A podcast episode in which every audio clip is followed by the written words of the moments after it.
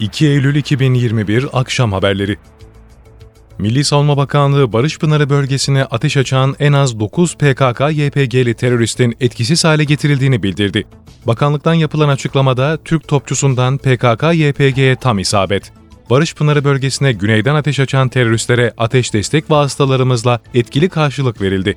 Ateş açan terör mevzileri tam isabetle vurularak ilk belirlemelere göre en az 9 PKK-YPG'li terörist etkisiz hale getirildi ifadelerine yer verildi.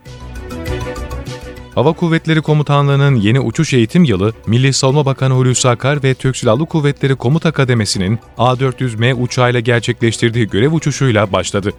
Bakan Akar birinci pilot koltuğuna oturduğu Koca Yusuf olarak bilinen A400M uçağı görev uçuşunu başarıyla tamamladı. Operasyon ve insani yardım faaliyetlerinin yanı sıra son olarak Afganistan'daki personelin tahliyesinde görev alan uçağa Hava Kuvvetleri Komutanı Orgeneral Hasan Küçükakgüz'ün uçurduğu jetle eşlik etti. Hava Kuvvetleri Komutanlığı'nın yeni uçuş eğitim yılı 12. Hava Ulaştırma Ana Üst Komutanlığı'nda düzenlenen törenin ardından başladı. Türkiye'nin gelecekteki savunma karargahı olacak Ay Yıldız projesi dizaynı, özgürlüğü, büyüklüğü ve teknolojik özellikleriyle dünyadaki en modern ve fonksiyonel karargahlar arasındaki yerini alacak.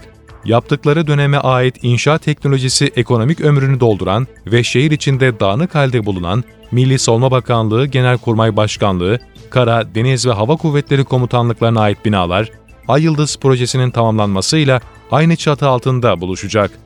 12 milyon 620 bin metrekare alanda konuşlandırılacak yerleşke 15 bin kişiye hizmet verecek. Muğla'nın Milas ve Bodrum ilçelerinde ormanlık alanlarda yangın başladı.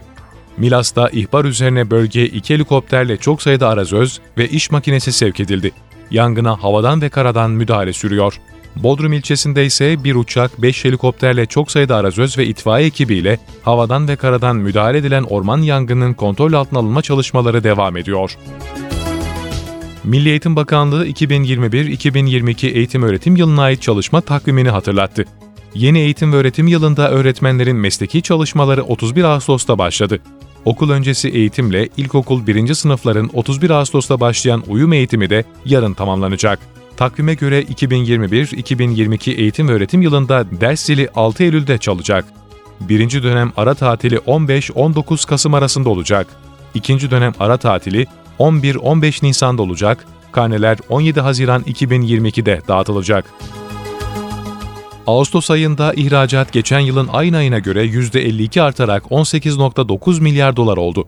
Ticaret Bakanı Mehmet Muş, bakanlık konferans salonunda Türkiye İhracatçılar Meclisi ile düzenlediği basın toplantısında Ağustos ayı dış ticaret rakamlarını açıkladı. Bakan Muş, ihracatımız geçen yılın Ağustos ayına göre yaklaşık %52'lik artışla 18.9 milyar dolar seviyesinde gerçekleşmiştir.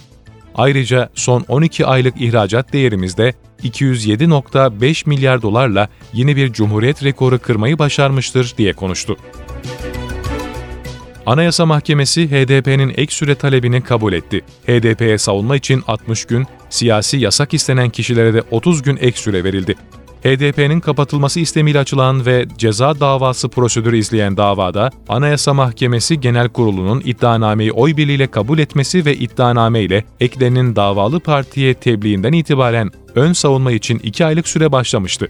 Partinin öz savunmasının vermesi için 60 günlük, hakkında siyasi yasak istenenlerin ön savunmasını hazırlaması içinse 30 günlük ek süre verildiği öğrenildi.